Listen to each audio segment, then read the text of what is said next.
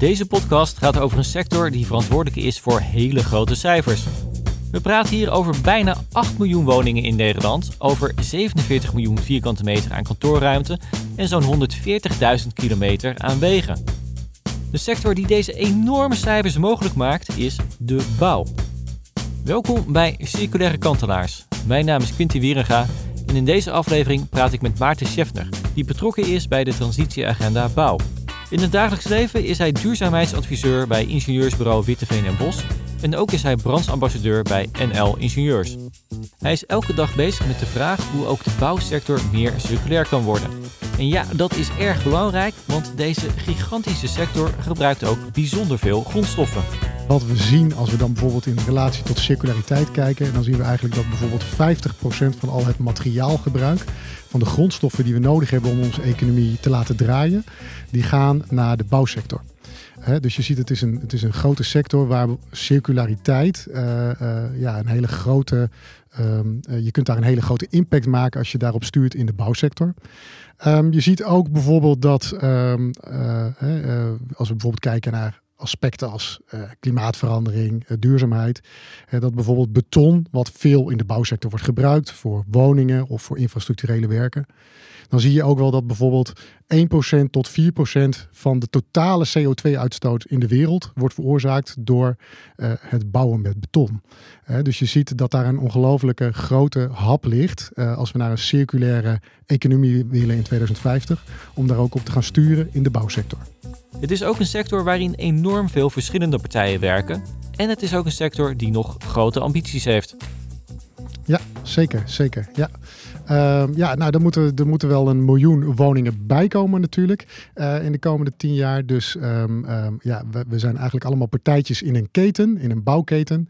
Hè, de ene is de leverancier van de materialen, de ander ontwerpt. De ander die, uh, die monteert het en de ander demonteert het of die sloopt het. En zo hebben we allemaal een klein rolletje. En, ja, en wat je vooral ziet in de bouwwereld is natuurlijk dat we een vrij grote en misschien ook wel een klein beetje, als we eerlijk zijn, een wat logge branche zijn. Um, en dat heeft ermee te maken dat we met hele lange levensduren werken. dus wat je ziet is dat veel van onze objecten die wij ontwerpen, die wij maken, dat die 50 tot 100 jaar meegaan. Um, nou, en dat heeft het tot gevolg dat, uh, ja, dat er een soort van cultuur is ontstaan, een, een systeem is ontstaan wat niet al te flexibel is. Um, terwijl we juist die flexibiliteit opzoeken als we naar 2050 circulair gaan. Nou, en ik denk dat dat een hele grote uitdaging is voor de bouwsector.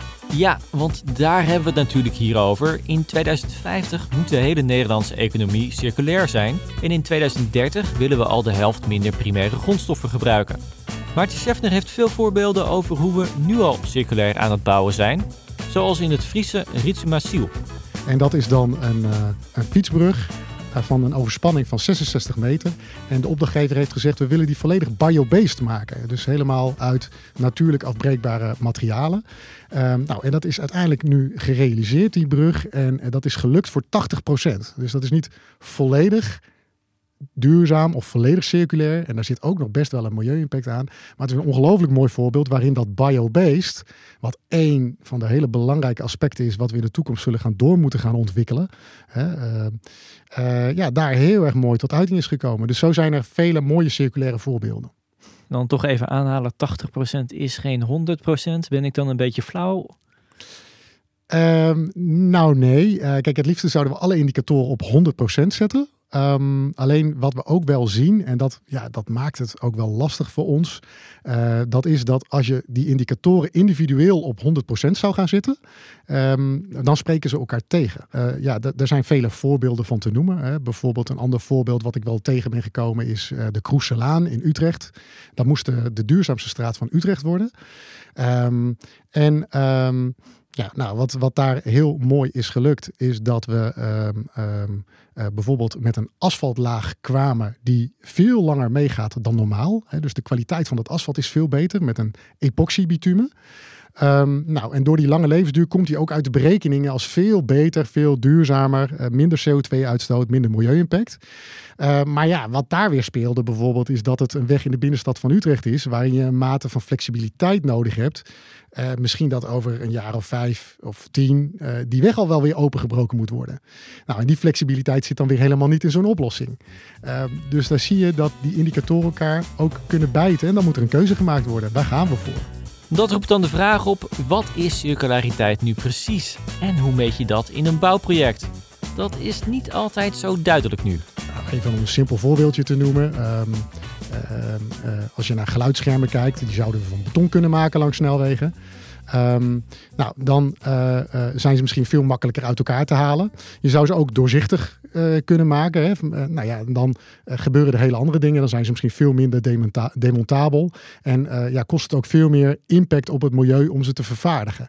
Um, dus zo kun je circulariteit ja, in, in vele indicatoren ook meten. Um, en dat is ook de opgave voor nou ja, onder andere het transitieteam waar ik natuurlijk in zit. Maar dat is de opgave waar we voor staan om om daar ook duidelijkheid in te krijgen en een soort van gemeenschappelijke taal te ontwikkelen, waarin we ook uh, dat kunnen gaan meten en zodat dat begrip eenduidiger wordt.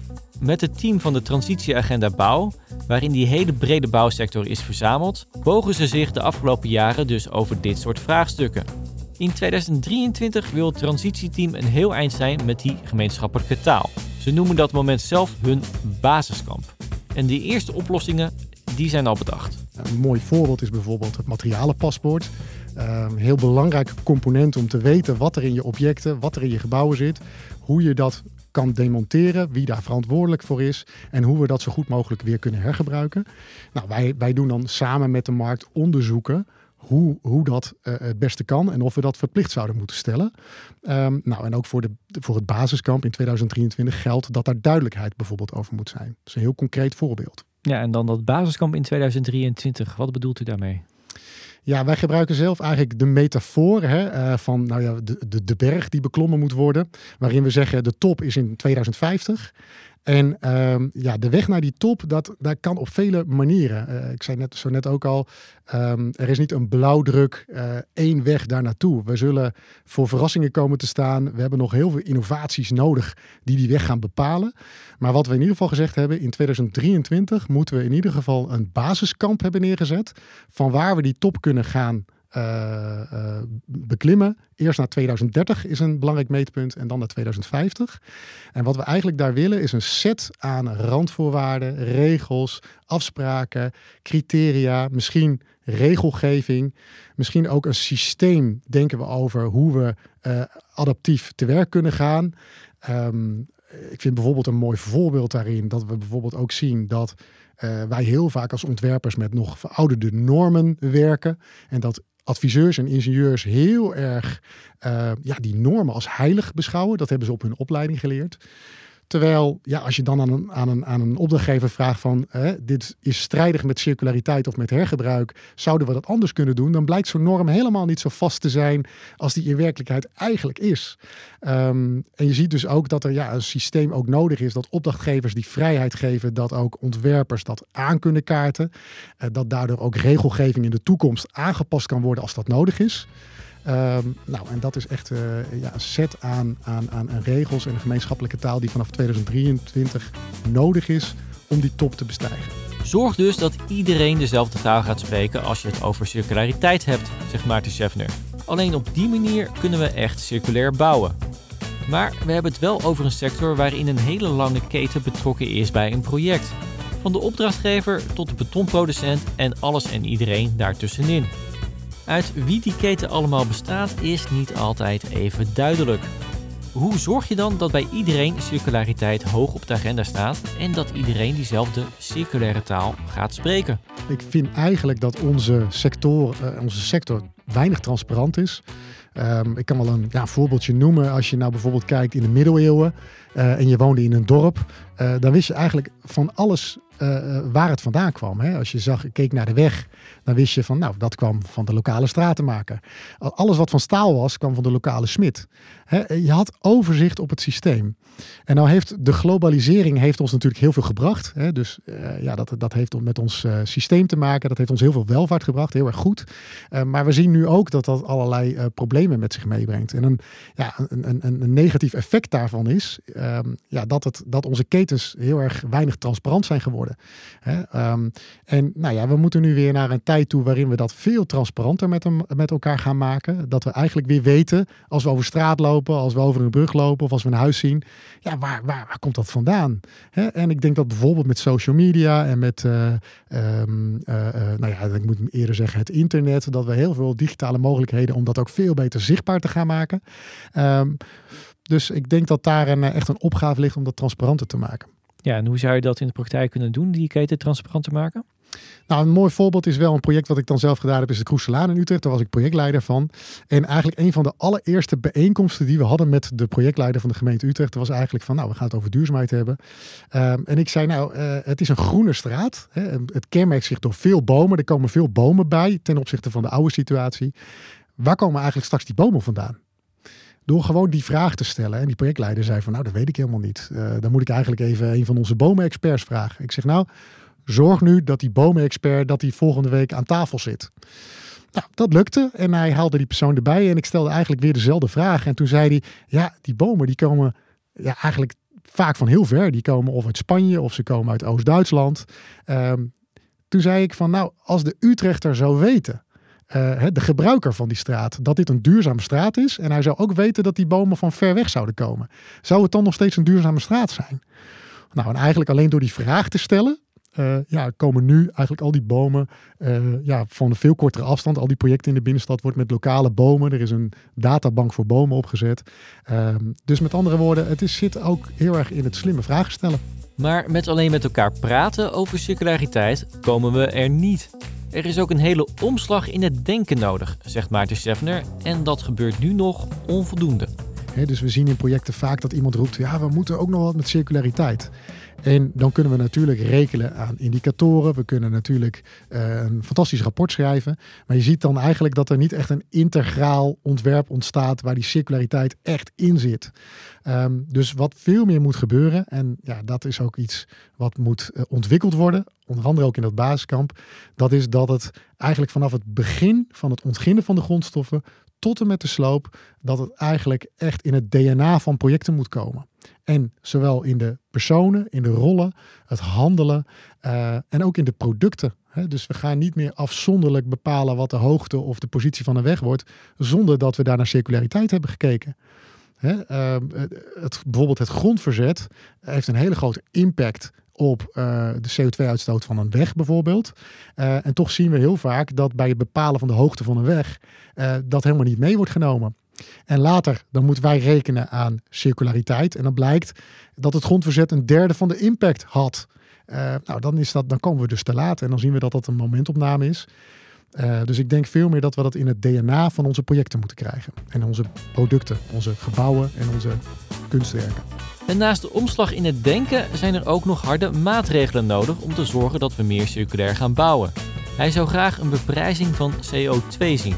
Dan wordt dus ook de gerealiseerde CO2-uitstoot meegenomen bij de prijs van een product. Nou ja, uh, CO2-beprijzing is denk ik uh, ja, een van de thema's die ja, essentieel is uiteindelijk om naar die circulaire duurzame wereld te gaan. Um, dit is ja, per definitie een, een, een maatregel of een, uh, ja, een, een, maatregel die het bij de bron aanpakt, het probleem. Um, het is wel iets wat natuurlijk ook wel veel oppositie oplevert. Je ziet bijvoorbeeld, uh, we hebben op dit moment voor de Europese Commissie een voorzitter von der Leyen, uh, die hier een voorstander van is. Maar je ziet natuurlijk ook wel veel weerstand, uh, met name bij de liberalen bijvoorbeeld, die zeggen ja, als we een koploper zijn in Nederland bijvoorbeeld hiermee, ja, dan eh, gaat er heel veel markt verloren naar het buitenland als die niet meedoen. Um, en toch is het zo dat we, op de, ja, dat we hier met elkaar moeten over nadenken, samen met elkaar, daar een oplossing voor te vinden. Um, en ik ben het natuurlijk mee eens dat we dat, dat, ja, dat moet ons ook markt opleveren als, als de BV Nederland. Maar we zullen er wel naartoe moeten dat, uh, ja, dat we gaan betalen voor onze CO2-uitstoot. En daarmee worden kringlopen korter, het wordt transparanter. Um, en ja, wat, wat, wat, wat natuurlijk ook zo is, is dat toen de eh, BTW in, ik geloof in 1968 werd geïntroduceerd. Uh, toen had dat ook heel veel bezwaren aanvankelijk bij mensen. Mensen die dachten dat er een uh, ja, grote papieren romslomp, een groot risico kwam. Um, en uiteindelijk in de praktijk, als je nu kijkt, heden de dag, ja, het is niet meer weg te denken in Europa. Het is onderdeel van ons systeem. En zo zal dat ook gaan uiteindelijk met een beprijzing van CO2. Want kunt u mij dat met een voorbeeld uitleggen? Waarom werkt CO2-beprijzing om de circulariteit te bevorderen? Ja, nou het is eigenlijk zo dat uh, op dit moment we ja, vaak niet een eerlijke prijs betalen. He, dus wat we zien is dat een prijs betaald wordt, bijvoorbeeld de prijs van beton, is relatief laag. Nou, daarmee, um, wat je eigenlijk krijgt is dat als we materialen uit het buitenland halen, over grote afstanden transporteren en we gaan dat niet belasten, um, ja, dat, er, dat er geen incentive is om die kringlopen korter te houden. Terwijl als we zouden voor moeten gaan betalen voor het transport bijvoorbeeld of de fabrikage in China die niet duurzaam is, uh, plus de hele, uh, het verschepen, het transporteren, als we dat zouden gaan belasten, ja, dan, dan wordt het voor ondernemers natuurlijk veel interessanter om dat lokaler te gaan doen. En daarmee worden kringlopen korter, uh, transparant, transparanter en daarmee ook duurzamer. Hoe dan ook staat de hele bouwsector voor ingrijpende veranderingen. Maar die veranderingen scheppen ook mogelijkheden. Komen er wellicht dan ook heel nieuwe banen in de bouwsector? Hebben we in 2050 dan allemaal nieuwe functies in die circulaire bouwwereld? Ja, zeker, ik, uh, ik vind dat een erg leuke vraag. Um, ja, ik heb, ik heb er zelf veel over nagedacht van hè, hoe, hoe ziet dat er dan in 2050 uit? Um, ik denk enerzijds dat uh, rollen zullen gaan veranderen. Ik denk ook dat er veel nieuwe rollen bij komen. Um, hè, dus ik zie bijvoorbeeld rollen als een levenscyclus financierder. Hè, dus uh, ja, dat financieringsmechanisme zodanig dat de kosten en baten op de juiste plekken in de keten terechtkomen. Dat dat centraal komt te staan. Nou, dat, zal, dat soort rollen zullen steeds belangrijker worden. Opleiding zal veel belangrijker worden. Maar ook aspecten als monitoring. Hè, we hebben dan wel de beheerder. Maar het straks strategisch gaan bepalen wanneer we iets af gaan breken of gaan demonteren. Ja, dat gaat een vlucht nemen. Dat wordt een vak op zich. Um, maar ik denk dat daar ook uh, bij aangrenzend dat er ook heel veel dubbelrollen uh, nodig zijn. Bijvoorbeeld wat we ook zien is dat uh, bepaalde partijen die vroeger een hele traditionele rol hadden, dat ze nu beide rollen gaan nemen. Ik sprak laatst een sloper en die zei: Ja, ik heb nu een gebouw opgekocht om te gaan slopen. En ben ik eigenlijk een soort van ontwikkelaar geworden. Want eerst ga ik het nu slopen en dan ga ik het weer bouwen. En wat je ziet is ook dat, ja, dat die rollen die moeten veel meer um, zichtbaar worden. Daarvoor moeten ook bijvoorbeeld de do's en don'ts. Hè, hoe gedraag je je? Ik denk zelfs een beetje aan een moreel kompas. Hè, bijvoorbeeld als je een leverancier bent van materialen, dan is het belangrijk dat je niet alleen een materiaal op de markt brengt, maar dat je er meteen over nadenkt kan ik dat materiaal ooit een keer weer terugnemen? Dus je hebt eigenlijk niet alleen de rol van de leverancier, je hebt ook de rol van de terugnemer of de, uh, je zit ook bij de recycling, je zit ook aan de andere kant van de keten. Hetzelfde geldt voor ontwerpers. Ontwerpers ontwerpen nu nieuwe dingen, terwijl ik me wel eens afvraag, iemand die van de TU Delft komt, kan die ook een restlevensduur van een product bepalen, van beton? Nou, vaak kunnen ze dat helemaal niet. Dus er zit ook nog heel veel winst te behalen in opleiding. En dat geldt ook voor rollen als de gebruiker. We moeten ook niet dingen zomaar in de prullenbak gooien we moeten er ook over nadenken van, nou ja, hoe kunnen we dat misschien wel gewoon hergebruiken? U hoort het aan zijn enthousiasme, de bouw staat voor grote veranderingen. Maar de mogelijkheden om circulair te bouwen, die zijn er nu al. Dit was het voor deze aflevering van Circulaire Kantelaars. Mijn naam is Quintin Wieranga en ben je benieuwd hoe het in de andere sectoren gaat als we het hebben over de ambitie om de Nederlandse economie in 2050 circulair te hebben? Luister dan de afleveringen met de andere kantelaars in deze podcastserie.